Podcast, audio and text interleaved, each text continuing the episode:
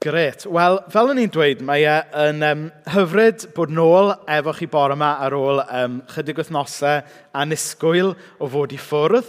Fel mae'n digwydd, o'n i'n mynd i fod i ffwrdd chydig bach anyway, achos o gyda ni rhywfaint o wyliau wedi bwcio, ond um, o'n i ddim yn planio bod i ffwrdd am bron mis cyfan, ond dyna ni, da ni nôl ar yn traed, pawb yn iawn, pawb yn, yn negyddol yn tu ni. Mae'n ma, ma ffynnu, oedd pobl yn danfon neges i'n gofyn, sut wyt ti erbyn hyn? A o'n i'n dweud dal yn positif. A oedd pobl ddim yn siŵr os o'n i'n siarad am fel fy agwedd i neu canlyniad y prawf. Ond oedd y ddau'n wir. Oedd y ddyddiau lle oedd fy agwedd yn positif, ond oedd y prawf hefyd yn anffodus dal yn positif. So, um, yeah, mae hwnna... Dwi'n siŵr bod yna bregaeth yn ynglyn â sut mae geiriau'n gallu, gallu golygu pethau gwahanol mewn gwahanol gyd-destun. Ond be bynnag, mae e yn fraint cael ailafel um, yn y gyfres, da chi wedi bod yn cario ymlaen i edrych arno fe tra bod ni bant, sef cyfarfod Crist a profi y wefr. Da ni wedi bod yn edrych ar wahanol hanesion o bobl yn cael encounters efo Iesu, a da ni hefyd wedi bod yn ystyried, wel, be mae hwn yn dysgu i ni ynglyn â'r alwad a'r fraint da ni'n cael hefyd i gyfarfod yr un Crist. A bore yma, da ni'n edrych ar hanes um, pwysig iawn, sef gŵr o'r enw Nicodemus yn cyfarfod Iesu. Ac o'r hanes yma, da ni'n cael yr syniad chrysnogol pwysig ynglyn â cael eich ail enni. Uh, syniad yma yn un o syniadau mwyaf canolog falle y ffydd grisnogol, ond mae e hefyd falle yn un o'r syniadau sydd weithiau yn cael ei camddeall a weithiau um, mae pobl yn dod i'r conclusions anghywir a falle um, bod e weithiau yn rhywbeth sy'n achosi crisnogion falle i rwygo a gweld pethau chydig bach yn wahanol. Ond bore yma, da ni'n mynd i bwyso mewn i'r hanes yma a da ni heddiw gobeithio mynd i weld beth mae hwn yn siarad gyda ni bore yma ynglyn ag ail enedigaeth. So, ymunwch gyda fi wrth i ni ddarllen um, Iowan, penod 3, adnodau 1 i 15. un noson ar ôl i iddi dwyllu, daeth un o'r arweinwyr y ddewig at Iesu. Pharisead o'r enw Nicodemus oedd y dyn. Meddai wrth Iesu, Rabai, dyn ni'n gwybod y fod i'n athro wedi anfon gan ddew i'n dysgu ni. Mae'r gwirthiau rwy ti'n ei gwneud yn profi fod dew gyda ti. Dyma Iesu'n ymateb drwy ddweud hyn wrtho. Cred di fi. All neb weld dew'n teirnasu heb fod wedi cael ei eni o ddichod. Wel, sut gall unrhyw un gael ei eni pa mae'n oedolyn, gyfynodd Nicodemus. Allan nhw'n sicr ddim mynd i mewn i'r groth am yr ail waith i gael ei geni felly. Atebodd Iesu, cred i fi, all neb brofi diwn teirnasu heb fod wedi cael ei eni drwy'r drwy ddŵr a drwy'r ysbryd. Mae'r corff dynol yn rhoi genedigaeth i berson dynol, ond yr ysbryd sy'n rhoi genedigaeth ysbrydol. Dyle ti ddim syni wrth i mi ddweud – rhaid i chi gael eich geni o ddichod. Mae'r gwynt yn chwythu bob cyfeiriad, ti'n clywed ei sŵn, ond ti ddim yn gallu dweud o ble mae'n dod nac i ble mae'n mynd. Felly mae hi hefyd, gyda phawb sydd wedi ei geni drwy'r ysbryd. Sut mae hyn yn gallu digwydd, gyfynodd Nicodemus? Dyma ti, meddai Iesu, yr athro parchus yng ngolwg pobl Israel, a ti ddim yn deall. Cred i fi, dyn ni'n siarad am beth dyn ni'n ei wybod ac yn dweud am beth dyn ni'n ei weld, ond dych chi ddim yn ein credu ni. Os dwi wedi siarad ych chi am bethau sy'n digwydd ar y ddeiar a dych chi ddim yn credu, sut y byddwch chi'n credu os gwna siarad am bethau'r byd nefol? Does neb wedi bod i'r nefoedd, a fi, Mabedin, ydy'r unig un sydd wedi dod o'r nefoedd. Cododd Moses wneud yr bres a'r bolyn yn yr anialwch. Bydda i, mab y dîm, yn cael fy nghodi yr un fath. Bydd pawb sy'n credu yno fi yn cael bywyd tragwyddol. Amen. Hanes uh, pwerus, yn dydy, darn uh, hyfryd o'r Beibl i ni uh, gynnoi cil arno fe bore yma. Nawr, y peth cyntaf dwi eisiau ni um, sylwi arno fe ydy'r setting. Yn yr adnod cyntaf, i ni'n gweld bod y digwyddiad yma, sgwrs yma rhwng Iesu a Nicodemus, yn digwydd fi nos. Mae'n deud un noson ar ôl iddi dwyllu daeth un o'r arweinwyr y ddewig at Iesu. Felly, dydy hwn ddim yn sgwrs gyhoeddus o flaen tyrfa yng Nghwrt y Deml neu allan ar y stryd – Ond yn hytrach, mae Nicodemus, y pharisead, yn sleifio i weld Iesu fi'n nos er mwyn bwrw i fol a gofyn i gwestiynau. A mae yna link, dwi'n meddwl, rhwng y ffaith bod Nicodemus yn pharisead a'r ffaith bod e wedi gorfod sleifio fi nos i gael y sgwrs yma efo Iesu. Oherwydd, fel pharisead, oedd Nicodemus fod yn ddyn oedd yn gwybod yr atebion i gyd. Y pharisead oedd y bobl oedd yn gofyn cwestiynau i bobl eraill, nid yn bobl oedd fel arfer gyda cwestiynau i hunain.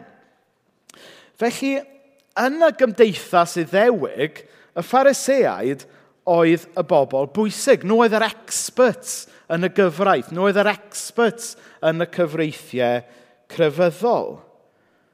Ond eto, oedd Nicodemus fan hyn yn gwybod bod ddim ganddo fe'r atebion i gyd.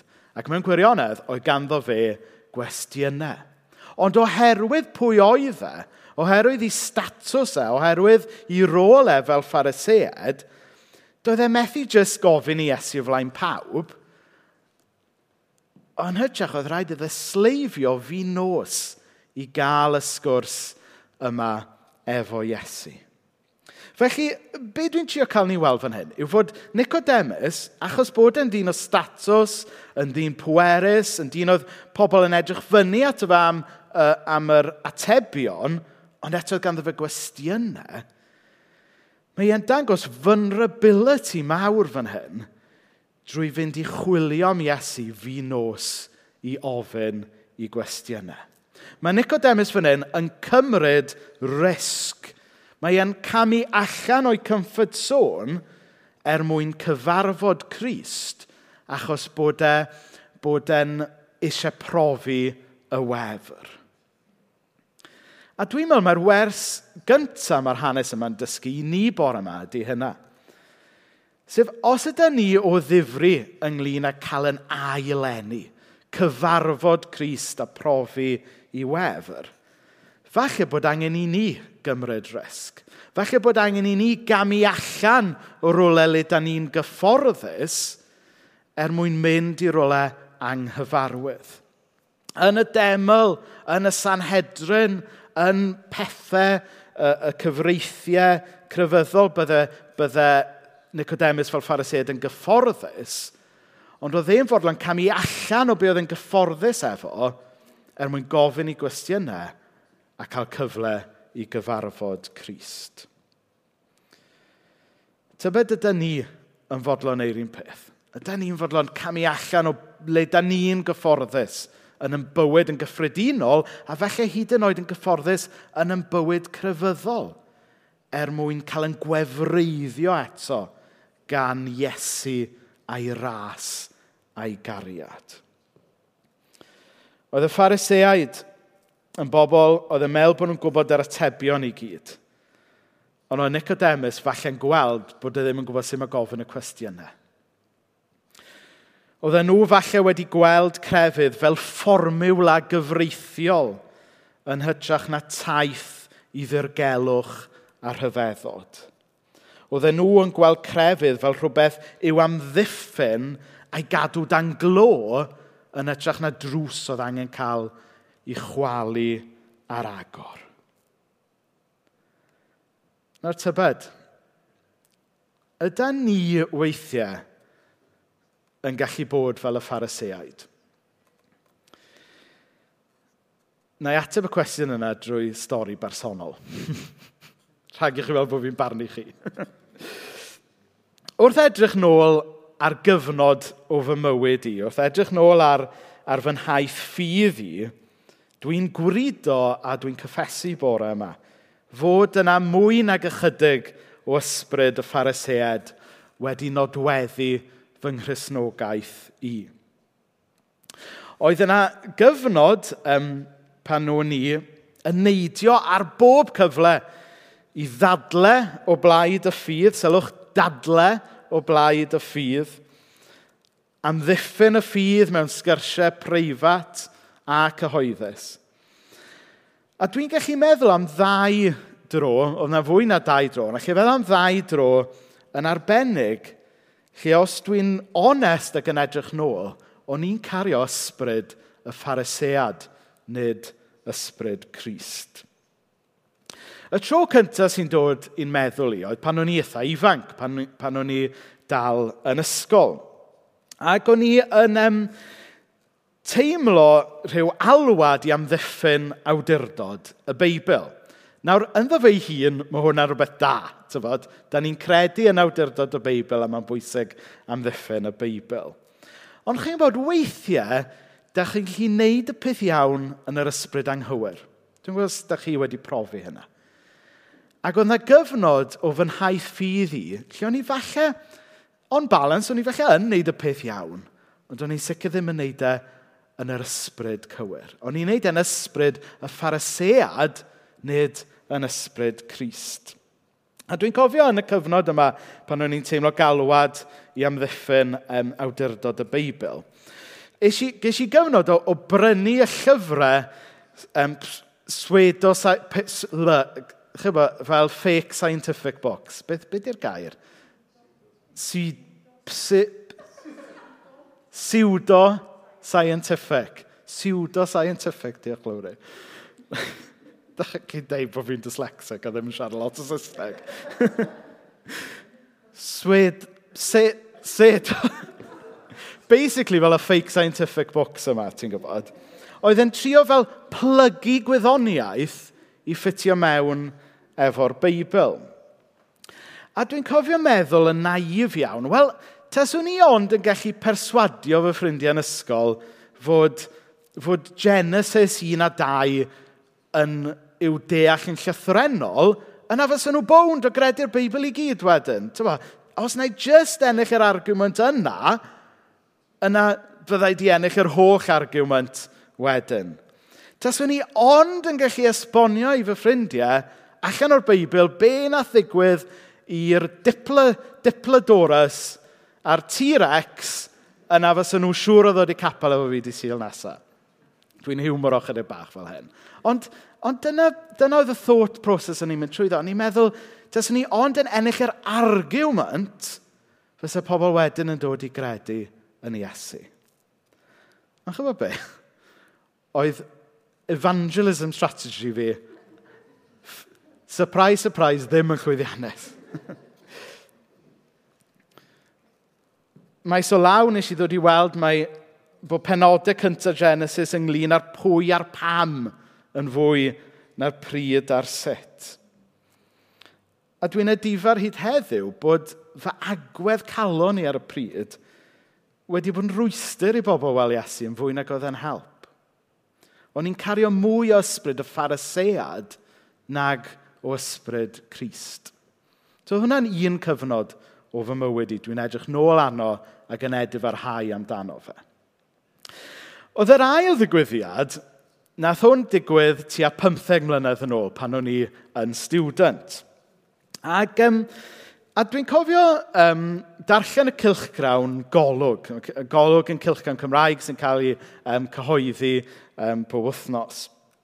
A fe gyhoeddodd um, y ficer a'r drymodydd Ale Jones Williams. Um, erthygl yn golwg, neu oedd e'n erthygl amdano fe neu rhywbeth, neu cyfweliad gyda fe. Ac yn yr erthygl yma, oedd, oedd Ale Jones Williams, oedd e'n gwadu rhai pethau o'n i'n ystyried yn, yn gwbl ganolog i'r ffydd grisnogol. Ac o'n i yn ddigon hi i feddwl mod i fyfyriwr ifanc tamboeth bod genna i hawl i sgwennu llythyr mewn i golwg yn esbonio i'r byd sut oedd Ale Jones Williams yn hollol wrong.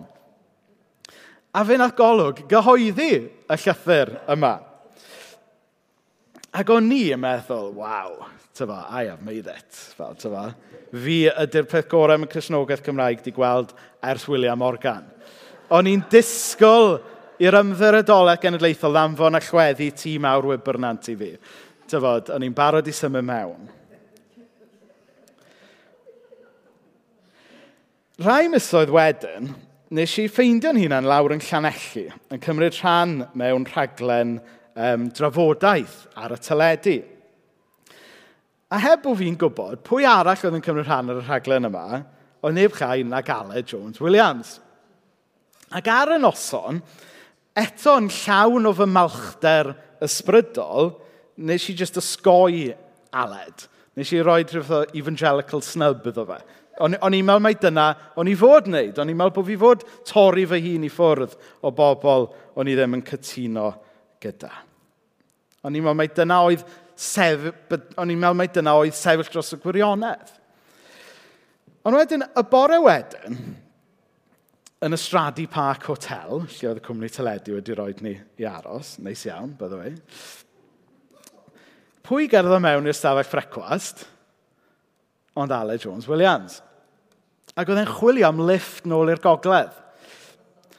Ac o'n i, ti'n bod, just yn bita fy nhost yn ignorio'r conversation yma oedd yn digwydd draw fan hyn. A rhywun dweud, o, oh, mae Rhys yn gyrru trwy Porth Madog. Aled, gall ni fynd efo Rhys. A wedyn dyna lle o'n i yn wynebu taith pedair awr yn y car, gyda'r dyn yma o'n i wedi bod yn slandro'n gyhoeddus yn golwg. O chi fod be? Fe gathon ni beder awr difyr a braf iawn gyda'n gilydd. Er mai fi oedd yr union gredwr, er mai fi oedd yn credu'r pethau cywir i gyd, fi oedd yn credu'r athrawiaethau ath, cywir a'r syniadau cywir – Aled oedd yn dangos tosturi a gras. A nath hwnna argraff ddofn arno fi. Nath e wneud i fi sylwi fod bod yn gristion yn fwy na jyst credu y pethau cywir. Bod e hefyd ynglyn â cario ysbryd Christ. I ddeud y gwir, bod e fwy yn neud y cario ysbryd Christ na credu syniadau cywir. Mae credu syniadau cywir yn bwysig peidiwch cael fi'n wrong. Dyna pam dwi'n dwi wedi dechrau cael ni adrodd y credo apostolaidd pan da ni'n dathlu'r cymyn ac yn y blaen. Mae credu pethau cywir yn bwysig, ond os da ni jyst yn credu'r pethau cywir, heb hefyd cerdded yn ysbryd Christ, yna da ni yr un mor wael a'r phariseaid. Hyd heddiw, dwi dal yn angytuno gyda aled ar bethau pwysig ynglyn â'r ffydd grisnogol. Ond y diwrnod yna nes i sylweddoli hefyd bod angen i fi gael fy ail ailenni. Os chi'n deall beth sydd gyda fi. O'n i wedi cael fy ailenni pan o'n i'n iau, pan ddeis i gredu yn Iesu am y tro cyntaf. Ond oedd dal gwaith gan ddiw i wneud yno fi. O'n i angen cael fy ail, ail enni. A dyna erbyn hyn sut ydw i yn deall um, be mae'r Beibl yn dweud ynglyn â ailenni. Oes, mae yna bwynt lle mae rhywun yn cael ei ailenni am y tro cyntaf, pan mae rhywun yn troi at Iesu am y tro cyntaf, yn credu, yn derbyn y gras a'r cariad am y tro cyntaf. Ond, da ni falle wedi gwneud y camgymeriad o feddwl bod y busnes yma o just yn one-off event y mywyd y Cristion. Mae Iesu yn galw ni, nid i galw yn off event, mae'n galw ni fod yn ddisgyblion. A mae hwnna yn daith sy'n digwydd trwy yn bywyd ni. Mae Dyw yn galw arno ni gael yn ailenni yn barhaus. Mae fe'n galw ni i gael yn ail ail enni. Mae'n galw ni i gael yn ailenni yn barhaus wrth i ni dyfu fel disgyblion iddo fe nes i ddod i weld wrth i fi gael fy ail ailenni, mae nid ffydd i ddadlau drosti yw chrysnogaeth, ond bywyd newydd i dystio amdani. A mae Dennis yn aml yn deitha ni um, bod yna wahaniaeth pwysig iawn rhwng dadlau a tystio. Mae dadlau ynglyn ag arguments. Mae tystio ynglyn â rhoi tystiolaeth am be mae Dyw wedi wneud yn eich bywyd chi. Ac oedd yna gyfnod yn fy mywyd i le o'n i'n dadlau o blaid y ffydd. Ond dwi'n gobeithio nawr trwy ras mod i'n gwneud mwy o dystio.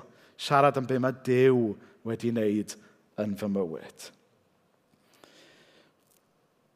A Brian Zand yn dweud yn ei lyfr diweddara, A person with an experience is never at the mercy of a person with an argument. Mae hwnna'n bwerus ac yn wir yn dydy. Fel Nicodemus, o'n ni yn gwybod yr atebion i gyd ers yn ifanc. Oedd yn argument sy'n yn well-rehearsed. Ond o'n i dim ond wedi dechrau gweld fod tyfu fel disgybl ynglyn â reslo efo'r cwestiynau hefyd a pwyso mewn i brofi cariad Crist yn ogystal â gwybod yr atebion i'r cwestiynau am Iesu. Mae bod yn gristion ynglyn â cael eich ailenni ydy. Ond mae ynglyn â cael eich ail ailenni yn barhaus hefyd. Mae Iesu'n dweud yn adnod 3, cred i fi, ac neb weld teirnas Iesu heb fod wedi cael ei enni o ddichod, neu cael eich ailenni. Adnod 5 wedyn mae Iesu'n dweud, ac neb brofi diwn teirnasu heb fod wedi cael ei enni drwy ddŵr a drwy'r ysbryd. Mae'r syniad yma o gael yn ailenni yn ganolog i'r ffydd grisnogol. Ond fel o'n i'n dweud ar y dechrau, mae e hefyd yn rhywbeth sy'n gallu cael ei gam ddeall. A reswm pam fod y busnes o gael yn ailenni yn cael ei gam ddeall yw oherwydd weithiau da ni'n rhoi yr holl bwyslais ar y profiad yn hytrach na pwy sy'n rhoi y profiad. Bod ni'n rhoi y pwyslais ar y profiad yn hytrach na gwrthrych y profiad. Um, hynny yw, da ni falle yn disgwyl bod pawb yn cael yr union rhan profiad a ni. Chybod? Neu falle bod ni yn chwenychu profiad rhywun arall. Nawr, holl bwynt profiad yw bod yn bersonol i'r person yna. Be sy'n bwysig yw nid y profiad ei hun, ond yn beth ac ymhwy mae'r profiad. Felly, pa mae rhywun yn dod ato fi efo profiad o Iesu, dwi ddim yn mesur profiad y person yna yn ôl fy mhrofiadau i, yn edrych dwi yn gofyn ydy'r profiad yna'n rhywbeth o Iesu.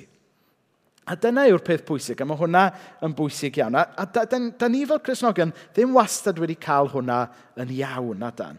Da ni wastad yn tueddu fesur profiadau pobl yn ôl yn profiadau ni. Ac os da ni methu prosesu neu relatio y profiad mae rhywun arall wedi cael yn ôl yn profiadau ni, yna da ni falle mynd yn amheus. Da ni falle yn ame ffydd y person yna hyd yn oed. Ond nid y profiad sy'n bwysig, ond yn pwy mae'r profiad yna, sef os yw yn brofiad real, yn Iesu.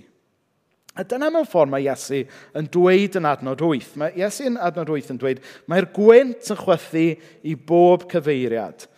Ti'n clywed ei sŵn, ond ti ddim yn gallu dweud o ble mae'n dod, nac i ble mae'n mynd. Felly mae hi hefyd gyda pawb sydd wedi geni drwy'r ysbryd.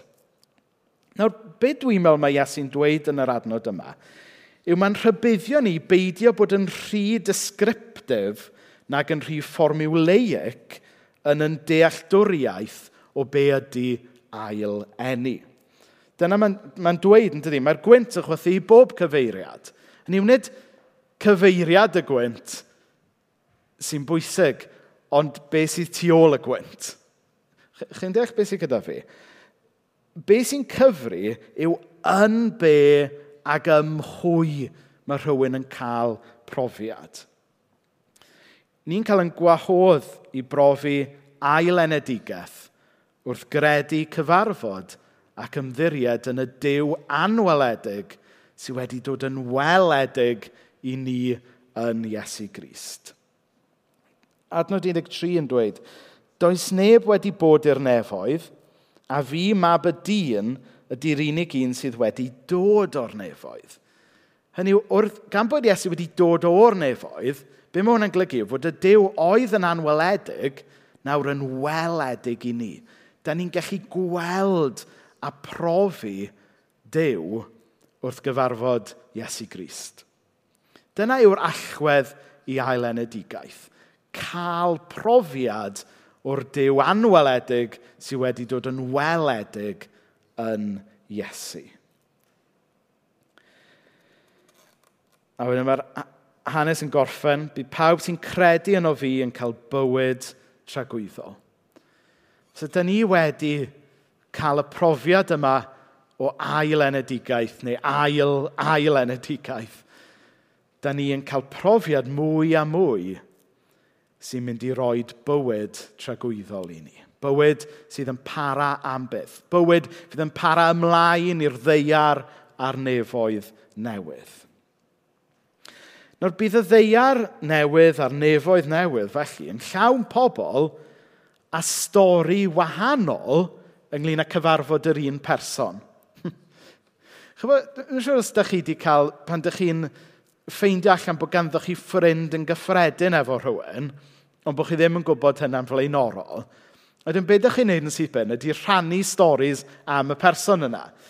A falle bod nhw'n stories gwahanol, chybod, achos falle bod chi'n adnabod y person drwy eich gwaith, ond bod y person arall yn adnabod y person drwy bod nhw'n perthyn neu rhywbeth. So mae gennych chi storis gwahanol, ond maen nhw'n storis gwahanol am yr un person. A'r person yna ydy'r peth canolog. A fydd y ddeiar newydd a'r nefoedd newydd yr un peth. Bydd ganddo ni gyd storis wahanol i rannu, ond am cyfarfod yr un person. Ac felly, os ydy'r eglwys fod yn ragflas o'r nefoedd, dyle'r eglwys hefyd fod yn le saff i ni rannu storys gwahanol ynglyn â cyfarfod yr un person, sef Iesu. Dwi ddim eisiau pwyso ar bobl i gael yr union rhywun profiadau a fi.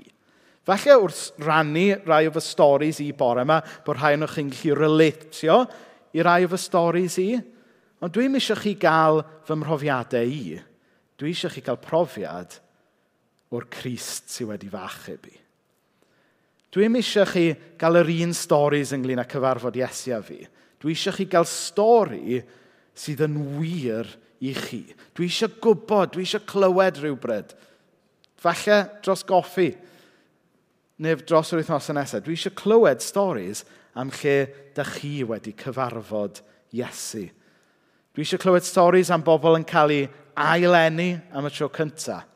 A dwi eisiau clywed storys hefyd am bobl yn cael ei ail ailenni. A sut da ni gyda'n gilydd yn tyfu fel disgyblion Iesu. Gai wahodd chi godi ar'ch traed, a newn ni wahodd yr ysbryd glân i gyffwrdd pob un ohono ni bore yma.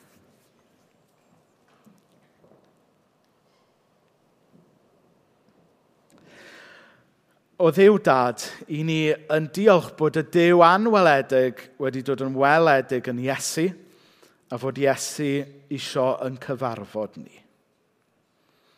Ysbryd glân i ni'n diolch am y ffordd i ti wedi ailenni pobl am y tro cyntaf a sut wyt ti'n parhau i wneud gwaith y mywyd pobl ac yn ail ailenni hefyd.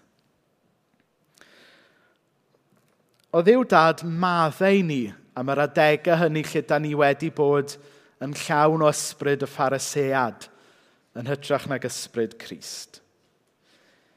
O ddiw dad, ni'n gofyn i ti roi maddeiant i ni am hynny ac i'n ailenni ni yn llawn mewn i'r bywyd newydd efo ti.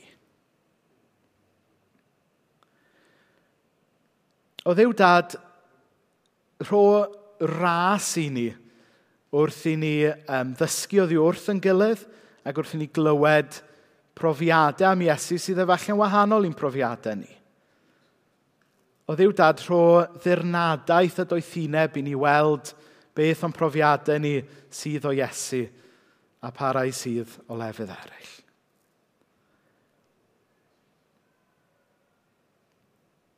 O ddiw dad, rho syched yno ni gael yn ail enni am y tro cyntaf falle bore yma. A ôl syched hefyd i bobl sydd yn edrych nôl ar y profiad cyntaf, ond sydd falle'n sychedu bore yma i gael profiad dyfnach ohono ti a cael ei ail ailenni. O ddiw dad, gwnaad ni yn eglwys sydd â Iesu yn y canol. Gnad ni'n eglwys le mae pobl yn rhannu storys am gael ei ailenni a cyfarfod Iesu sy'n maddau pechodau, Iesu sy'n derbyn i fel i ni, ond Iesu sy'n gwneud ni yn bobl newydd.